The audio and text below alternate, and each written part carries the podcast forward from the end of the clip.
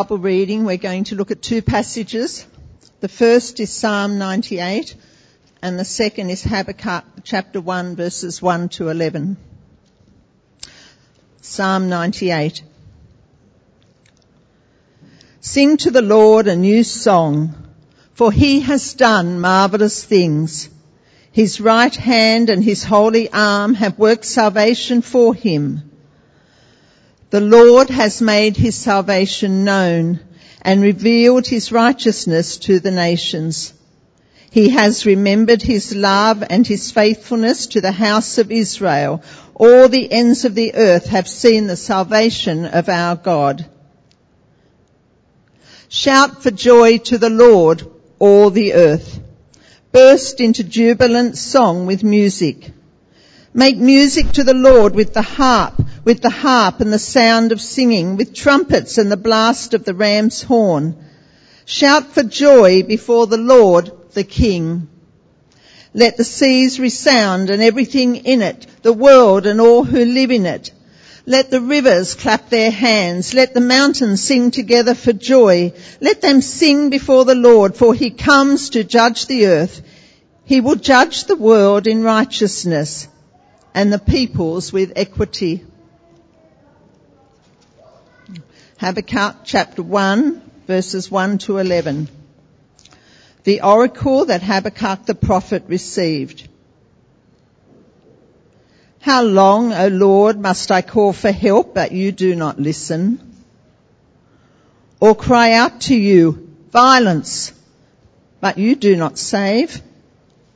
Why do you make me look at injustice? Why do you tolerate wrong? Destruction and violence are before me. There is strife and conflict abounds.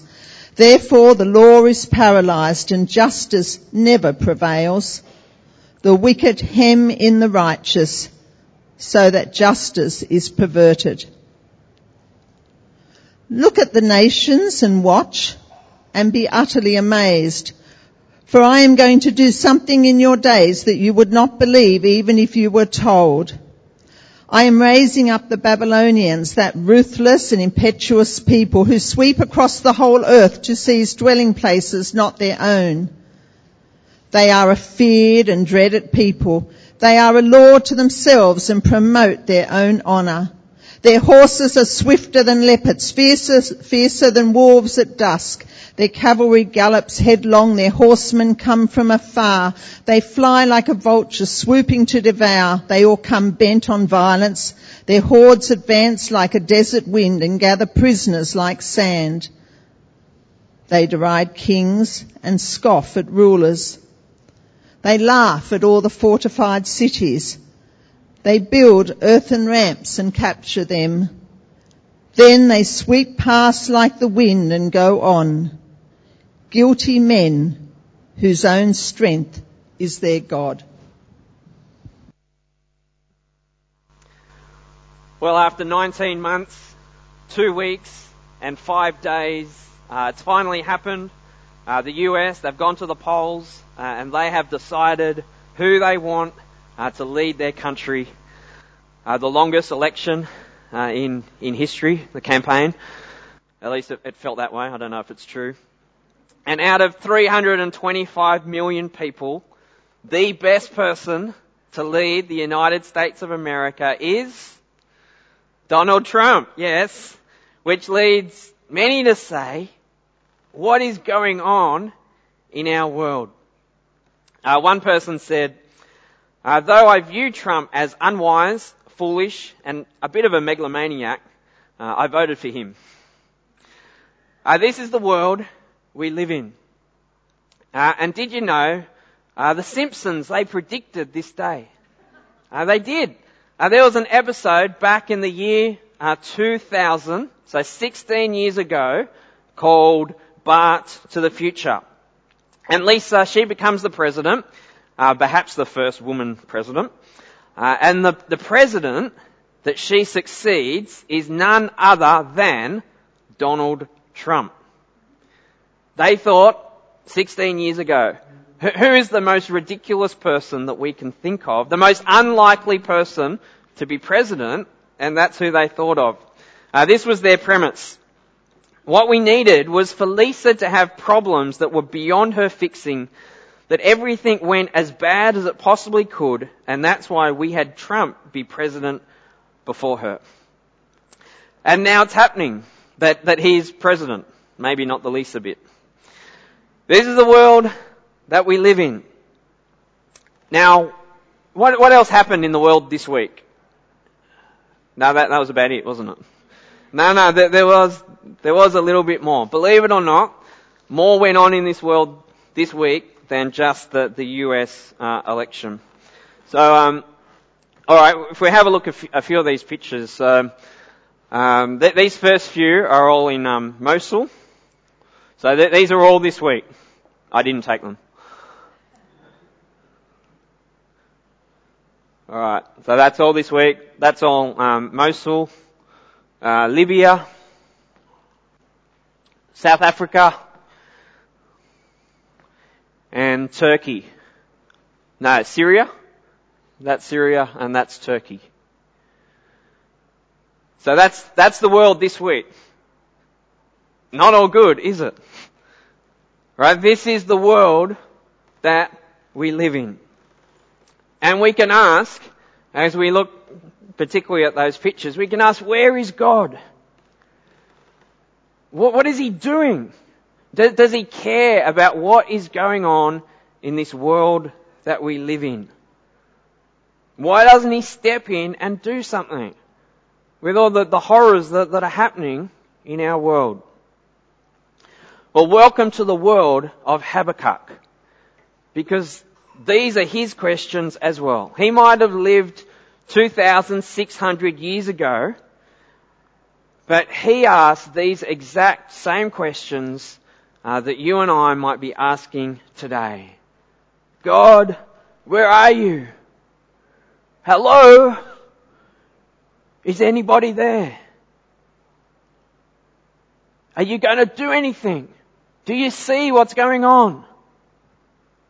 Where are you? This prophet, uh, Habakkuk, or Habakkuk, as others say, it's a, it's a favorite for many. Because he asks our questions. He asks the questions that, that so many of us, believers and unbelievers, uh, ask today. Questions about suffering, and all that is wrong in this world that we live in.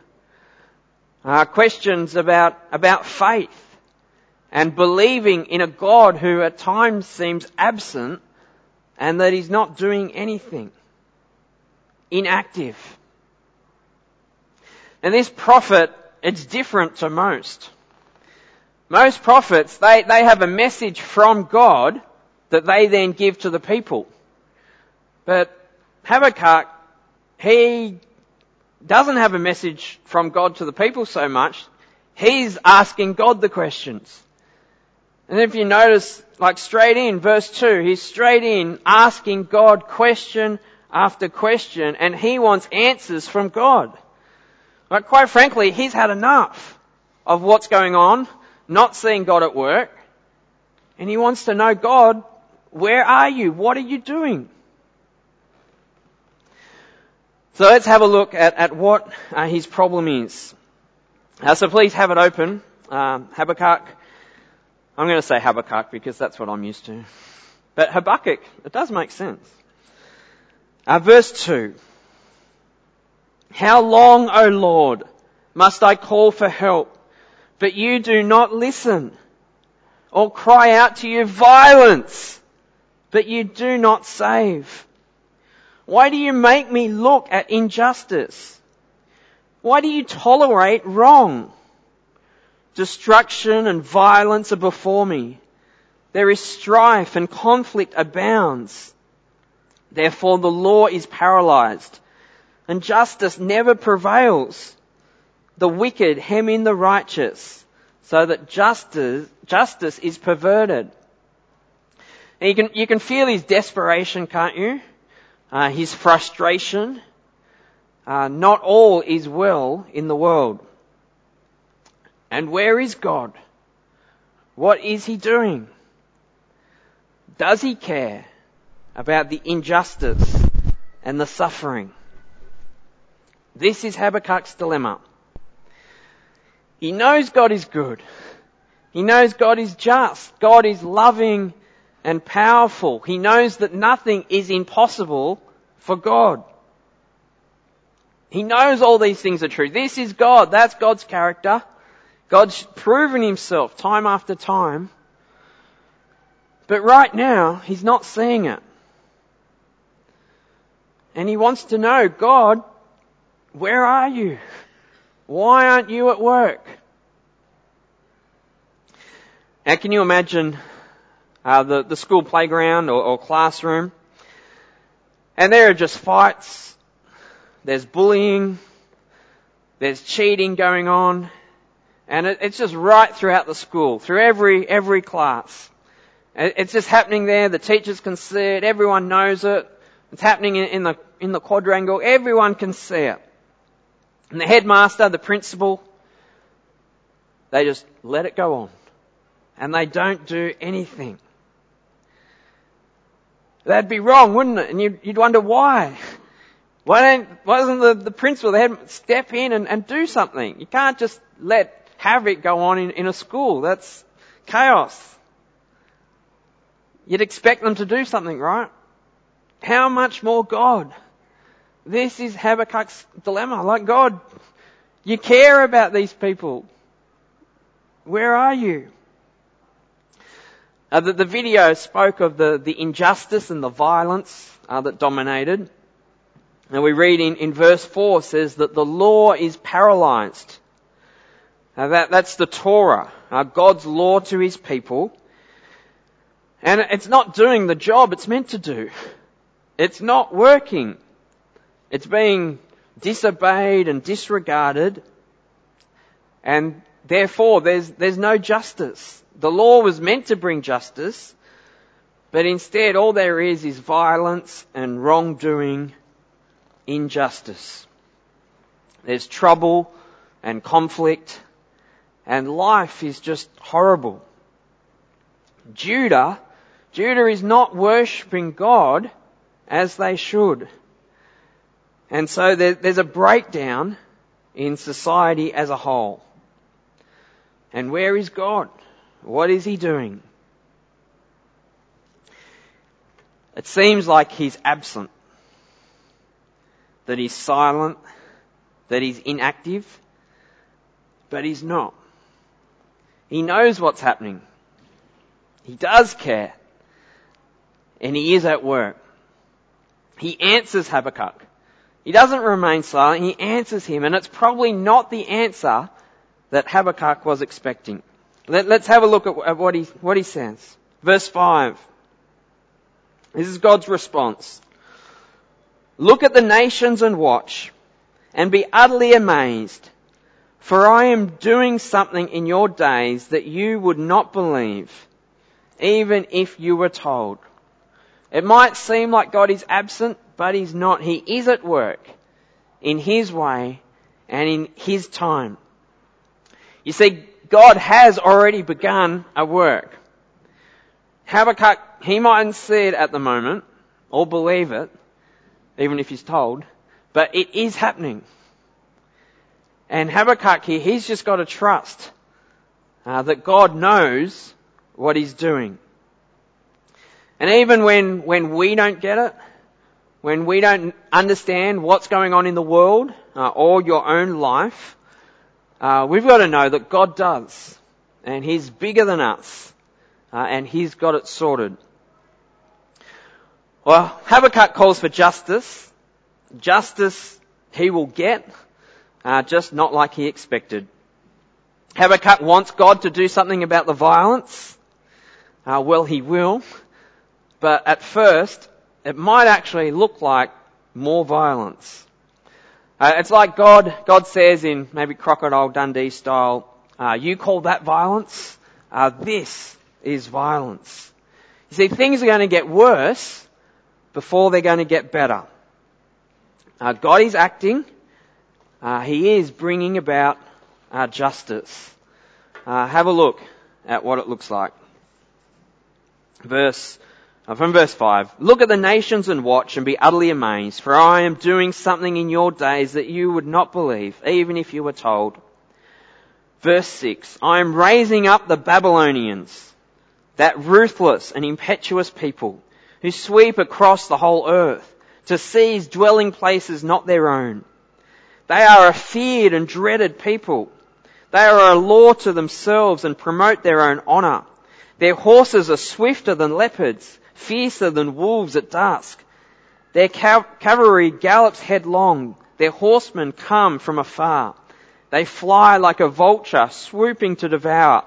They all come bent on violence. Their hordes advance like a desert wind and gather prisoners like sand. They deride kings and scoff at rulers. They laugh all fortified cities. They build earthen ramps and capture them. Then they sweep past like the wind and go on.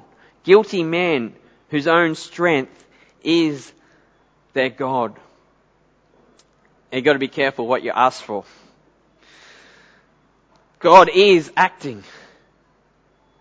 He is doing something about the wrong in the world, uh, in his own people, Judah. But that is going to mean judgment.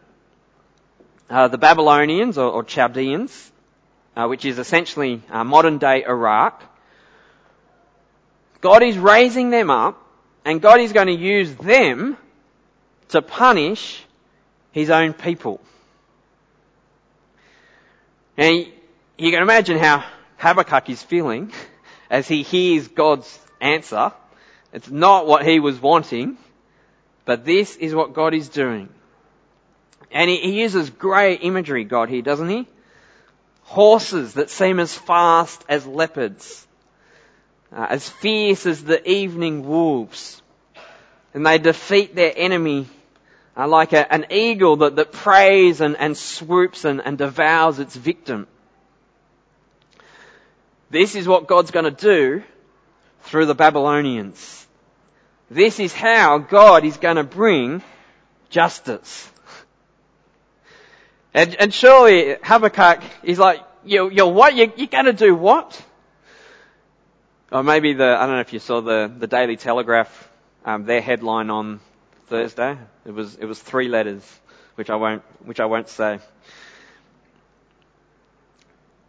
Habakkuk's not happy, alright, with what God says to him. Um, so he, he goes on and continues to question God, and that, that's what we're going to look at next week.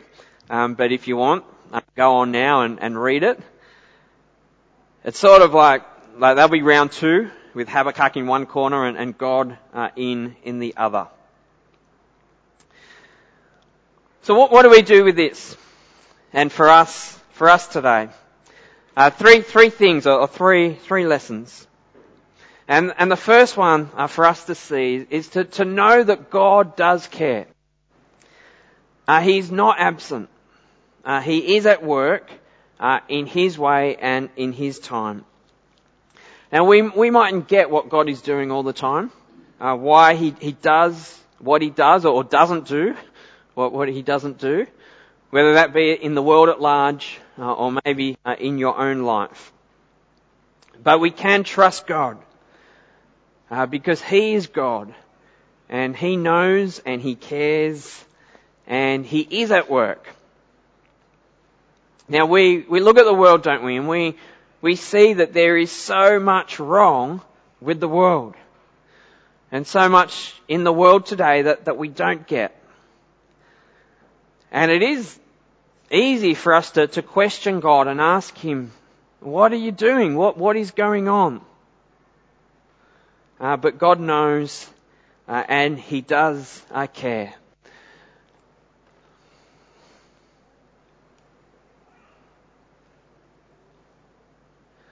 Uh, all right, missing some slides. All right. Um, in, in 2 Peter, it talks about there how, how this world as we know it uh, is, is going to end. Um, but then it'll, it'll, bring about the new creation. Uh, right now though, God, God is patient. Uh, he's giving people uh, time uh, to come to repentance. God is patient, not wanting people to, to perish, but to come to repentance. God is waiting before he, he does away with this world and before the, the final judgment comes. God is patient and He's giving people time to repent. This is the time of salvation. Uh, God cares. Uh, we can trust Him. And maybe when we look at the, the horrors and the, the wrong in the world, uh, maybe we need to, to see it uh, in the bigger picture. The second thing that, that we see from this is that God can use sinful people to bring about His good purposes. And we, we see this, we see this right throughout scripture. Uh, right back in, in Genesis, you got Joseph and his brothers. And in, in Genesis 50 verse 20, uh, looking back uh, afterwards, Joseph is then able to say, you intended to harm me, but God intended it for good to accomplish what is now being done, the saving of many lives.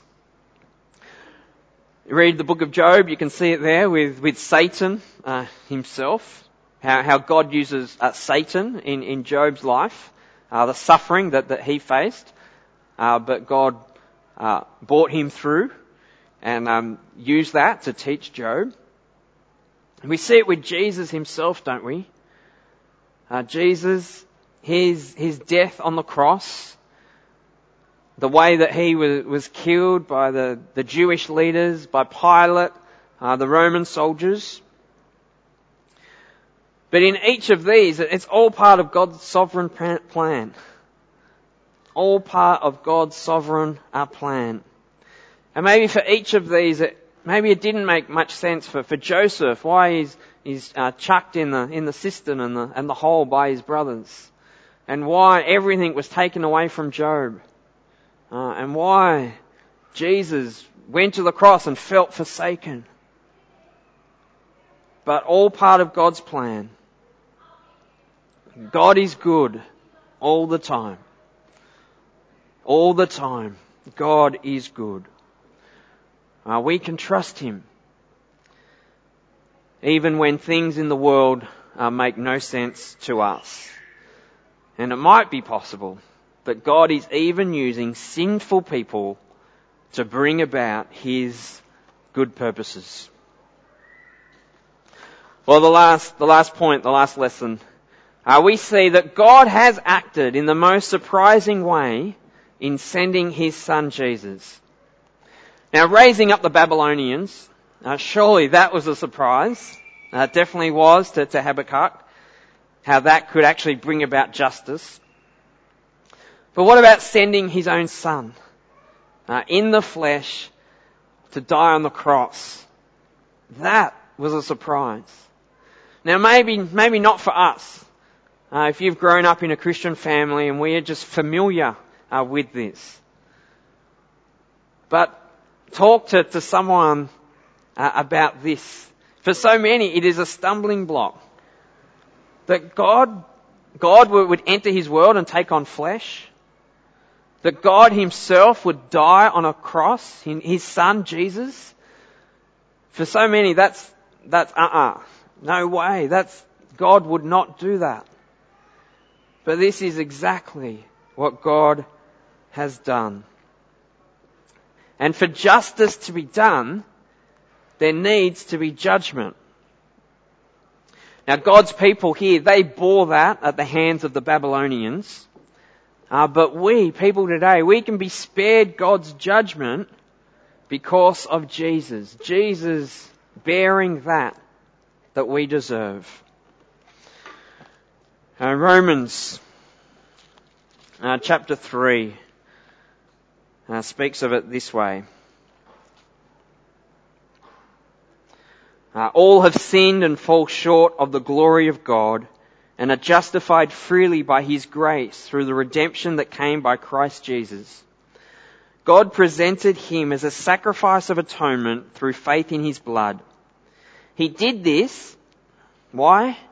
to demonstrate his justice because in his forbearance he had left the sins committed beforehand unpunished. He did it to demonstrate his justice at the present time, so as to be just and the one who justifies those who have faith in Jesus. Now we want God to act in this world. Uh, Habakkuk called for, for justice to be done. We want justice in this world. And if we're asking for God to, to bring about justice, then, then we've got to be okay with judgment as well. If you, if you think of it this way, that, that we're, we're all in the judgment line. A long, long queue, the longest queue ever. Everyone is, is lining up to face God's judgment for what we have done uh, wrong to Him. But the good news, the best news is, is that, that Jesus, He goes straight to the top of that queue and He takes the judgment for us. God's Son, God's one and only Son, straight to the top of that judgment line and He bears it upon Himself. He takes our place in that line so that, that we can now be in the, the new life in Jesus line. And we, we are spared from facing God's judgment. Jesus bears the judgment. Justice is still done. He bears it for us. And if we believe in Jesus, then for us there is no condemnation because Jesus has taken it. We're now in the, the new life in Jesus' line. So if you're here and you're, you're still in that that judgment line, if you don't know Jesus, then come to Him.